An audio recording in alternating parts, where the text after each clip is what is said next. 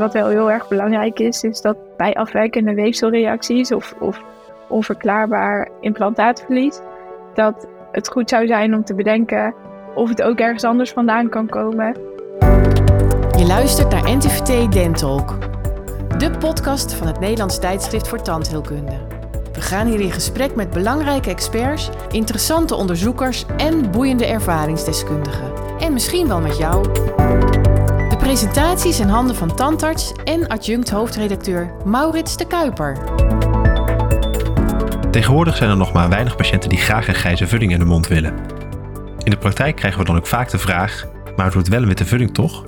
Kunnen we deze vraag straks ook verwachten voor de grijze implantaten die we nu gebruiken? De afgelopen jaren zijn er ontwikkelingen geweest binnen het veld van de implantologie met de komst van de keramische implantaten. In het artikel Keramische implantaten, de stand van zaken, in de aprileditie van dit jaar, zetten Jantien de Beus en haar collega's alle keramische implantaten op een rijtje. Jantien promoveert op dit onderwerp en we zullen vandaag dieper ingaan op de stand van zaken binnen de keramische implantologie. Jantien, fijn dat je wilt aanschuiven in deze podcast. Ik denk dat veel collega's wel weten dat die keramische implantaten bestaan, maar slechts een klein deel van de collega's die zal er echt met regelmaat mee werken. Nou, zelf behoor ik tot de grootste groep, denk ik, die uh, totaal geen ervaring heeft met die keramische implantologie. Hoe ben jij eigenlijk in aanraking gekomen met die keramische implantologie? Allereerst hartelijk dank voor jullie uitnodiging om over dit mooie onderwerp te hebben. Ja, zelf implanteer ik niet, maar binnen ons uh, onderzoek, mijn promotieonderzoek, uh, heb ik ervaring opgedaan met twee verschillende implantaatsystemen. En in ieder geval heb ik binnen mijn onderzoek hebben we al deze uh, zirconiumdioxide implantaten of zirconia implantaten uh, mogen voorzien van een kroon en zien we die patiënten voor een follow-up. En verder ben ik algemeen practicus, maar daar ben ik nog geen uh, patiënten tegengekomen met zirconia implantaten. En ik indiceer ze ook nog niet. En als we het dan hebben over keramische implantaten, dan hebben we het in deze podcast met name over de zirconia implantaten, omdat die het meest op de markt beschikbaar zijn. En welke aspecten van die keramische implantaten onderzoek je dan binnen je proefschrift? Is dat het implantaat of ook het kroontje wat je er bovenop zet? Nou, eigenlijk uh, vind ik beide erg belangrijk. Een implantaat in zijn eentje betekent niet zoveel. Uh, het gaat voor een patiënt vaak toch ook om de kies die erop zit en hoe werkt het. En uh, daarin vind ik het ook belangrijk dat die, die kies die op dat implantaat komt langdurig meegaat. Ik kijk binnen mijn onderzoek meer naar het hele complex. Maar daarin staat zeker ook dat implantaat en dat bijzondere implantaatmateriaal centraal. En daarover later denk ik nog wat meer. Um, ja. Maar ik wilde eerst nog even uh, stilstaan bij ja, zirconia. We kennen natuurlijk wel al uh, als algemeen practicus voor de kroontjes die we met regelmaat maken. Maar hoe, hoe zijn ze eigenlijk bij dat implantaatmateriaal gekomen? Wat is eigenlijk een beetje de geschiedenis van zirconia? Nou, zirconia is in de eerste instantie met name in de industrie gebruikt. En wat eigenlijk een belangrijke ontdekking was op een gegeven moment van, van Garvey en collega's toen uh, publiceerden zij een artikel in Nature getiteld Ceramic Steel, waarbij ze eigenlijk die eigenschap van transformation toughening van zirconia beschreven. Dus eigenlijk opvullen van de breuk van, van mogelijke breukjes in, in zirconia door veranderingen in de kristalstructuren als het ware. En ehm, deze eigenschappen maken zirconia uh, nou net een heel erg breuksterk en taai uh, materiaal. En daarom noemden zij het ook wel keramisch staal. En zij zagen daar een enorme potentieel in. En eigenlijk door de jaren heen is dat langzaam een beetje richting de tandheelkunde bewogen. En lijkt het eigenlijk wel een heel mooi materiaal om te gebruiken. En ja, voor de titaniumimplantaten is Brunnemark eigenlijk de grondlegger. Is er eigenlijk al een Brunnemark aan te wijzen voor de zirconia-implantaten?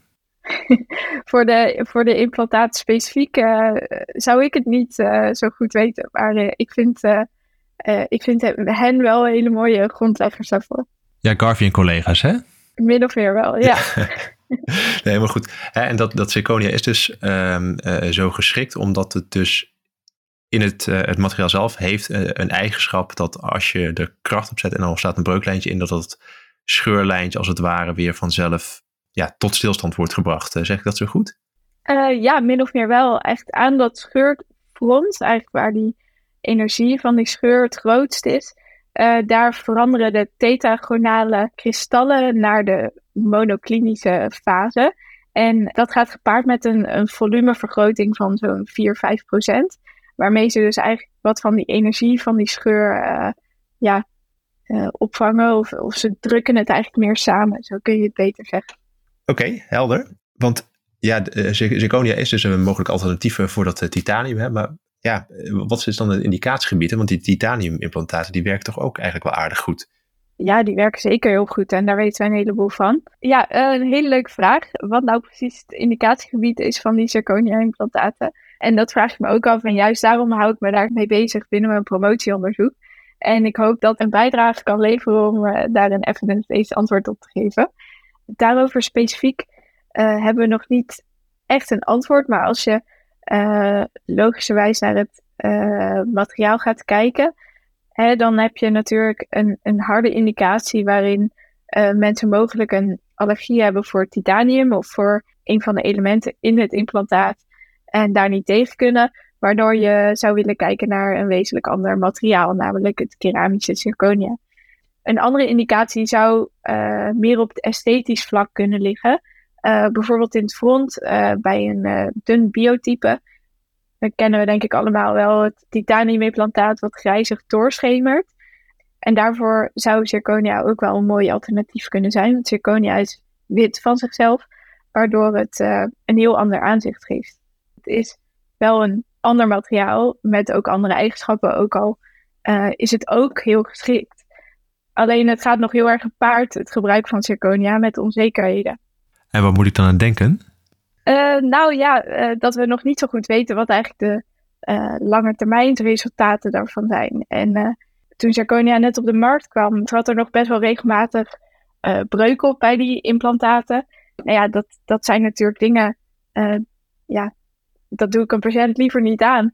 En we willen heel vaak meteen weten uh, hoe het zit en hoe goed het gaat. Uh, en dat geldt wel voor meer dingen. Maar goed onderzoek heeft ook tijd nodig.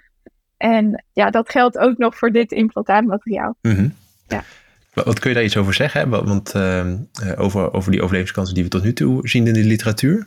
Eigenlijk lijken die op dit moment, als je kijkt naar de huidige beschikbare implantaatmerken, lijken die heel erg op die van titanium.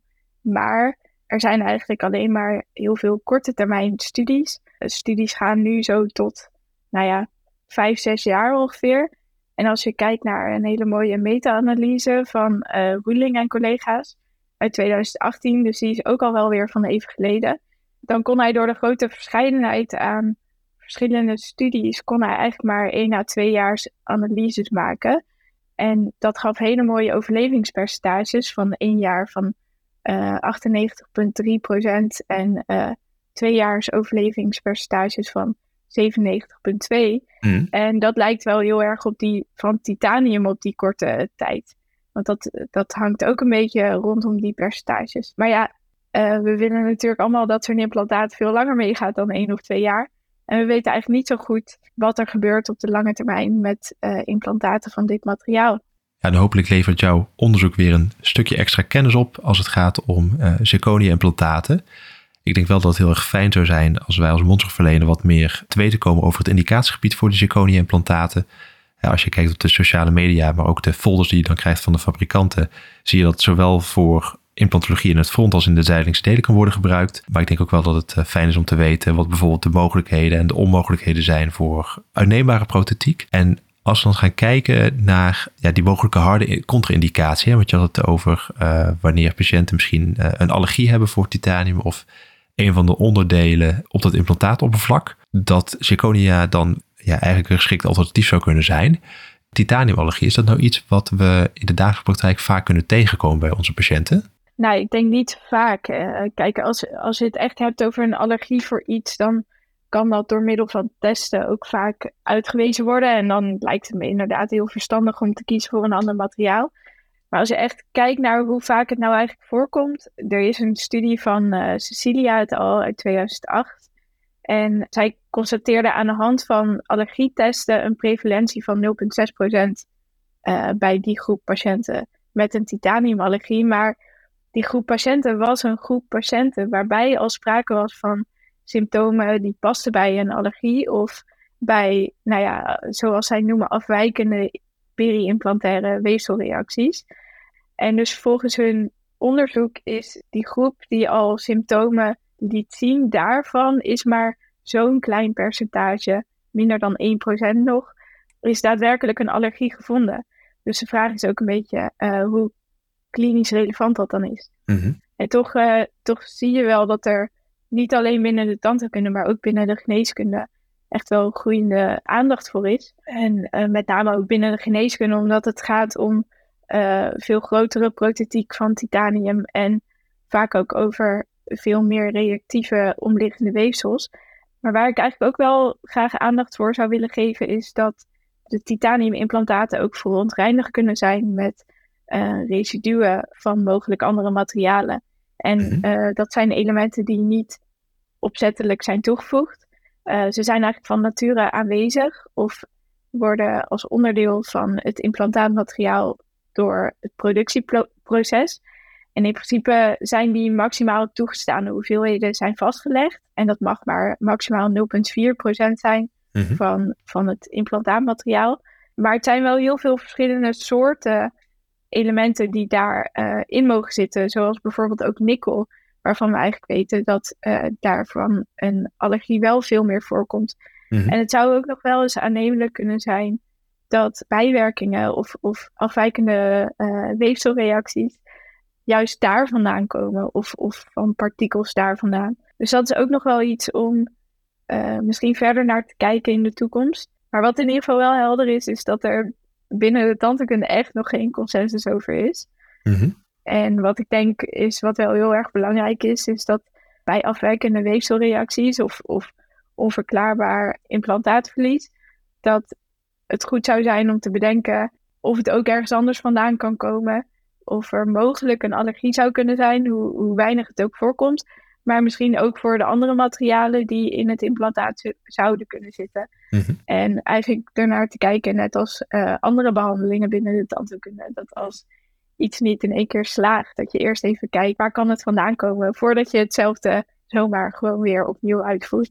Ja, dat, dat lijkt me een, een, hele duidelijke boodschap uh, voor ons als mondzorgverlener. Want als, dus als ik het zo samenvat, is die angst dat je ja, met regelmatig patiënt in de stoel hebt die echt allergisch is voor die titaniumimplantaten niet zo heel groot. Hè? Want dat zou dan een indicatie kunnen zijn voor, voor uh, die zirconia-implantaten. En dat een mogelijk grotere uh, onderdeel dus zou kunnen zijn die stofjes die onbedoeld op het implantaatoppervlak kunnen komen. Maar dat is natuurlijk ook iets wat misschien wel aan de orde kan komen bij die zirconia-implantaten. Want dat, uh, dat, zijn kleine foutjes die in het productieproces erin sluipen.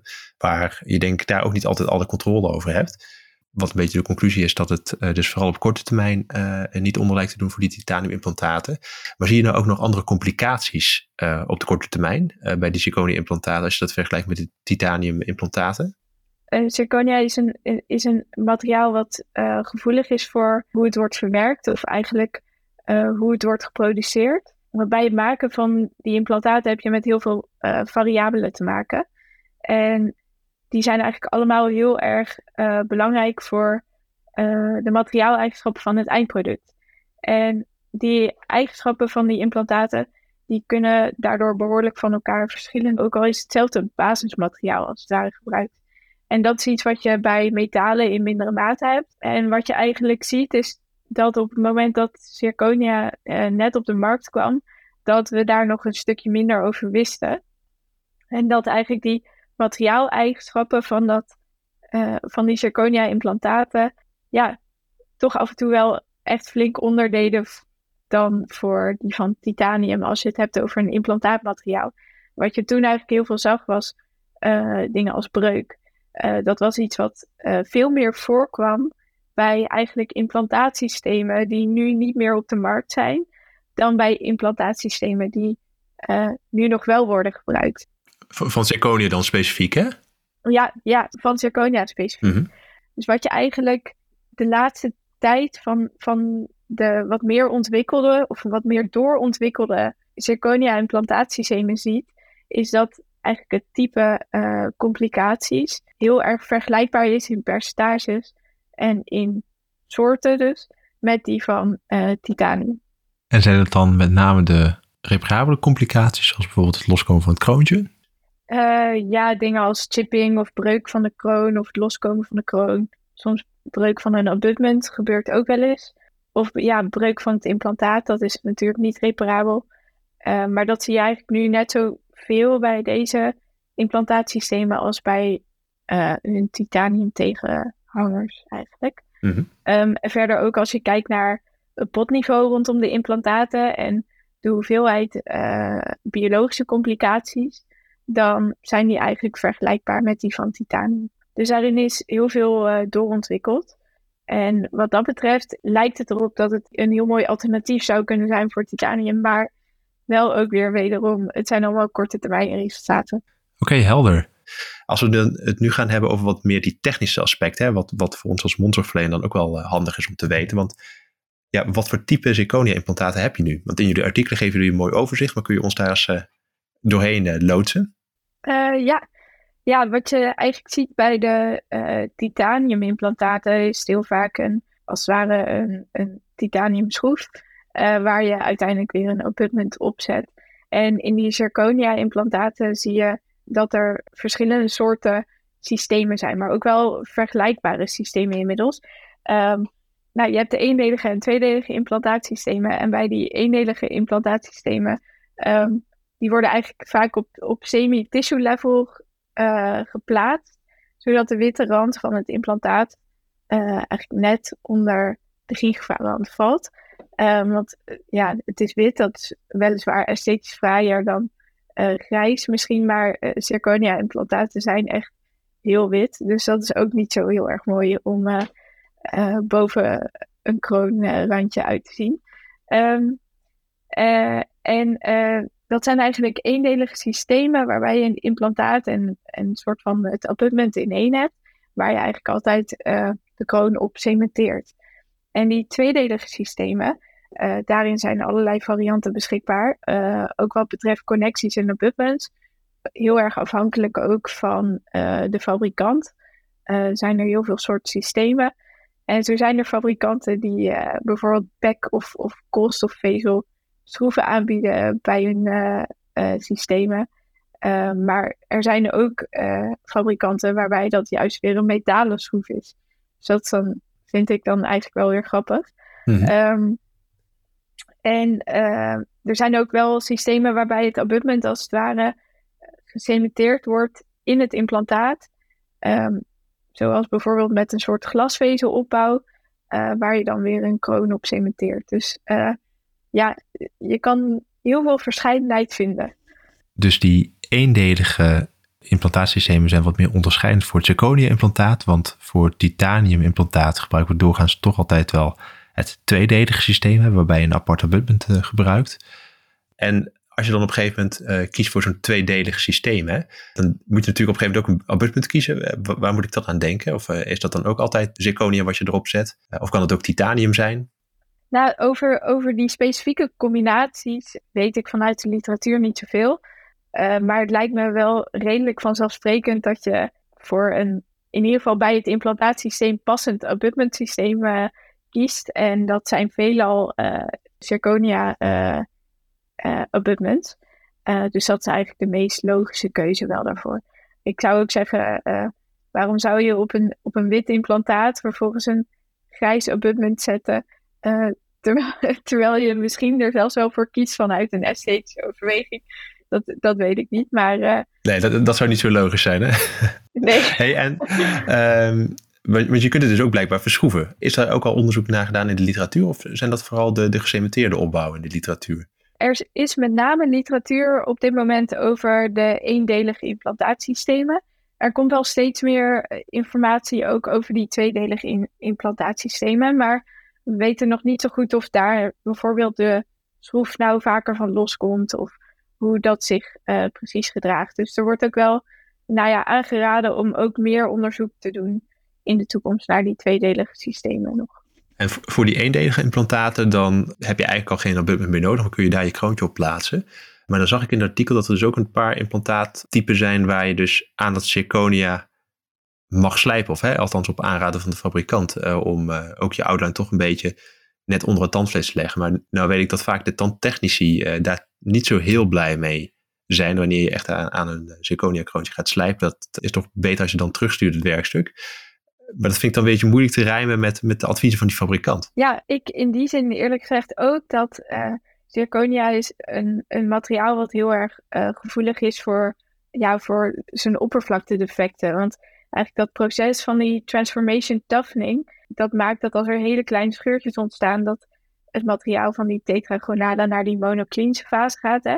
Uh, maar wat we ook weten is dat die monoclinische fase is een, een veel zwakkere fase van het materiaal eigenlijk. Mhm. En op het moment dat je gaat slijpen aan zo'n implantaat, dan is de theorie eigenlijk dat er hele kleine scheurtjes ontstaan aan dat materiaaloppervlak. En dat je daardoor dus eigenlijk een soort van cascade aan verandering van die uh, kristalstructuren uh, bewerkstelligt, waardoor je ervoor zou kunnen zorgen dat dat materiaal uh, veel sneller zwakker wordt of veroudert, misschien ook in de toekomst. Mhm.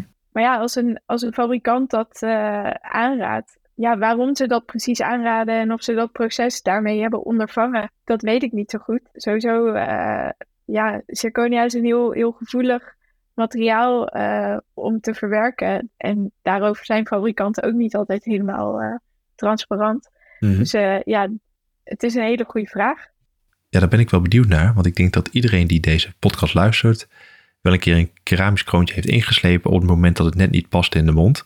Ja, ook al is het een doodzonde voor sommige technici, je gaat niet elk werkstuk weer terugsturen. En ik kan me ook wel voorstellen dat voor zo'n uh, eendelig implantaat, als je er ook zeker wel de eerste keer mee wegkomt, hè, maar stel uh, tien jaar later, stel dat het kroontje nog perfect zit, maar toch vanwege de kleur wil je opnieuw ingrijpen. Ja, op een gegeven moment kom je in zo'n restauratieve cyclus terecht, die misschien wel echt nadelig kan uitpakken voor, voor, voor het implantaat zelf, hè, waardoor je het elke keer weer wat verzwakt. Dus dat is denk ik wel iets om rekening mee te houden op het moment dat je echt een beetje in de fase komt dat iemand ja, toch met regelmatig wat, wat restauratieve werkzaamheden nodig heeft. Eh, dus ik denk dat dat eh, wel een eh, overweging is die je mee moet nemen in je behandelkeuze om voor zo'n zirconia implantaat te kiezen.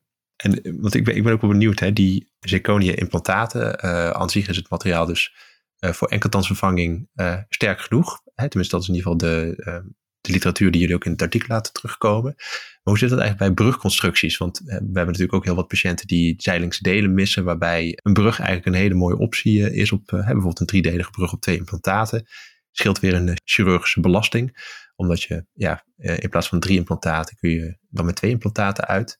Uh, geldt het eigenlijk ook voor die uh, zirconia-implantaten? Nou, die, diezelfde meta-analyse die ik eerder heb genoemd van Roeling en collega's. daar zijn ook studies in opgenomen waarin is gekeken naar brugconstructies. Er is wel heel veel minder onderzoek naar gedaan over de hele. Je ziet dat de meeste literatuur toch gaat over enkel dansvervanging met uh, enkele kroontjes.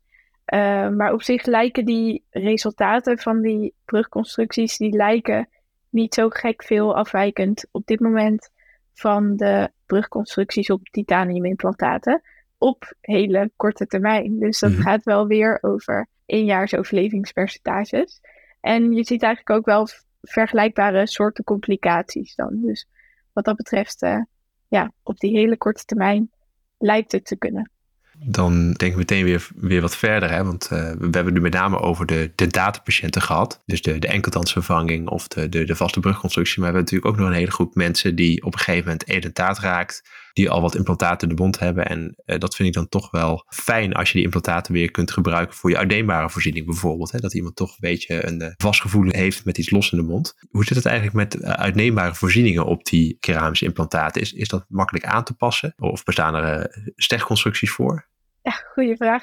eigenlijk logischerwijs kun je met een eendelig implantaat kun je veel lastiger overstappen naar een uitneembare voorziening. Uh, dan wanneer je een patiënt hebt die zo'n tweedelig zirconia-implantaat heeft. Want mhm. dan kun je eigenlijk net als bij uh, titanium-implantaten en systemen, kun je kiezen voor een ander soort abutment en een, een, ja, iets wat beter past bij je prothetiek.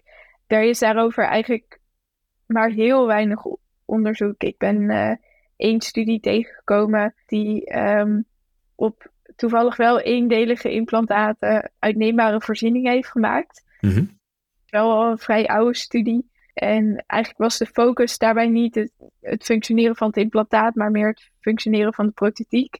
En dat was net zo goed als de vergelijking uh, met de titaniumgroep die ze in die studie hadden. Maar veel meer ben ik er nog niet over tegengekomen. Dus ja, ik, ik denk, zolang als je een tweedelig implantaatsysteem hebt, kun je wat makkelijker dynamisch werken, als het ware, uh, dan bij die eendelige implantaatsystemen. Mm. Maar ook hierover weten we gewoon nog niet echt hoe dat zich houdt op de lange termijn. Ja, ik, ik kan misschien voorstellen bij zo'n eendelige implantaatsysteem dat je misschien uh, een soort van telescoopconstructie kunt maken, waarbij je dat implantaat toch wat anders vorm geeft, zodat je een soort uh, konische constructie krijgt. Ja, ja, of dat je er een, een soort kapje op cementeert. Dat soort dingen zouden natuurlijk mhm. kunnen. um, maar wat je wel ook hebt bij die eendelige implantaatsystemen, uh, is dat uh, de positie en de, en de richting van het implantaat natuurlijk daarin ook wel een grote rol speelt. Mhm. Dus ja, en je kan soms wel wat corrigeren met hetgeen wat je erop zet. Maar daarin zitten ook beperkingen op een gegeven moment. Dus ja, als je allemaal tand voor tand eendelige implantaten hebt en ja, je moet daar wat mee, dan lijkt de uitdaging me daar best, best groot. Ja, dus dan is eigenlijk de inzetrichting wel, wel echt een aandachtspunt uh, waar je dan misschien wat lastiger uitkomt dan bij de, de, de klassiekere uh, titanium implantaten, als ik het zo goed begrijp.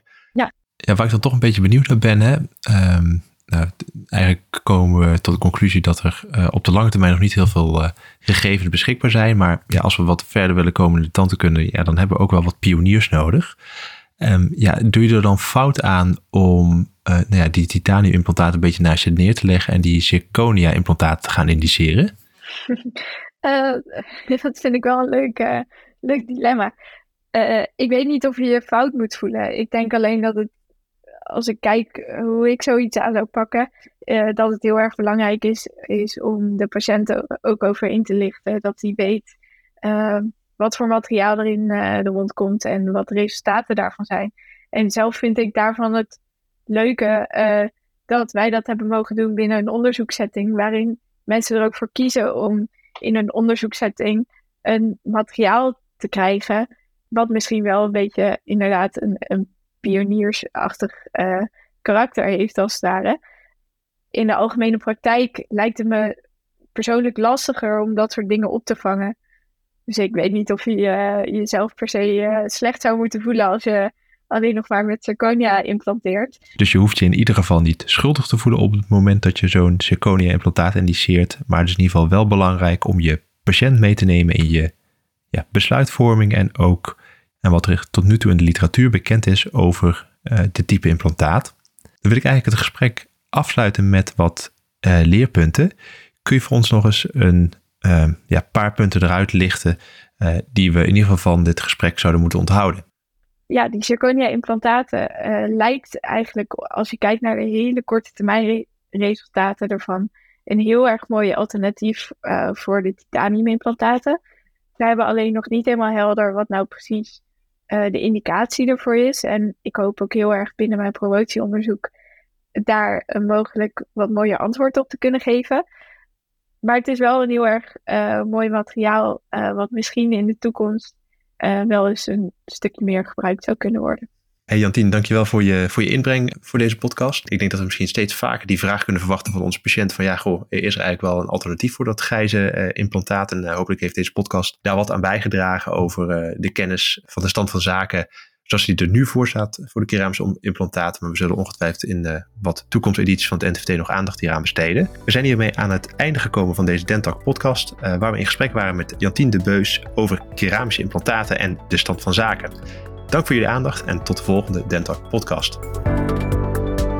Dit was NTVT Dentalk, de podcast van het Nederlands tijdschrift voor tandheelkunde. Heb je tips of leuke vragen voor ons? Laat het ons weten via redactie.ntvt.nl. Bedankt voor het luisteren en graag tot de volgende keer.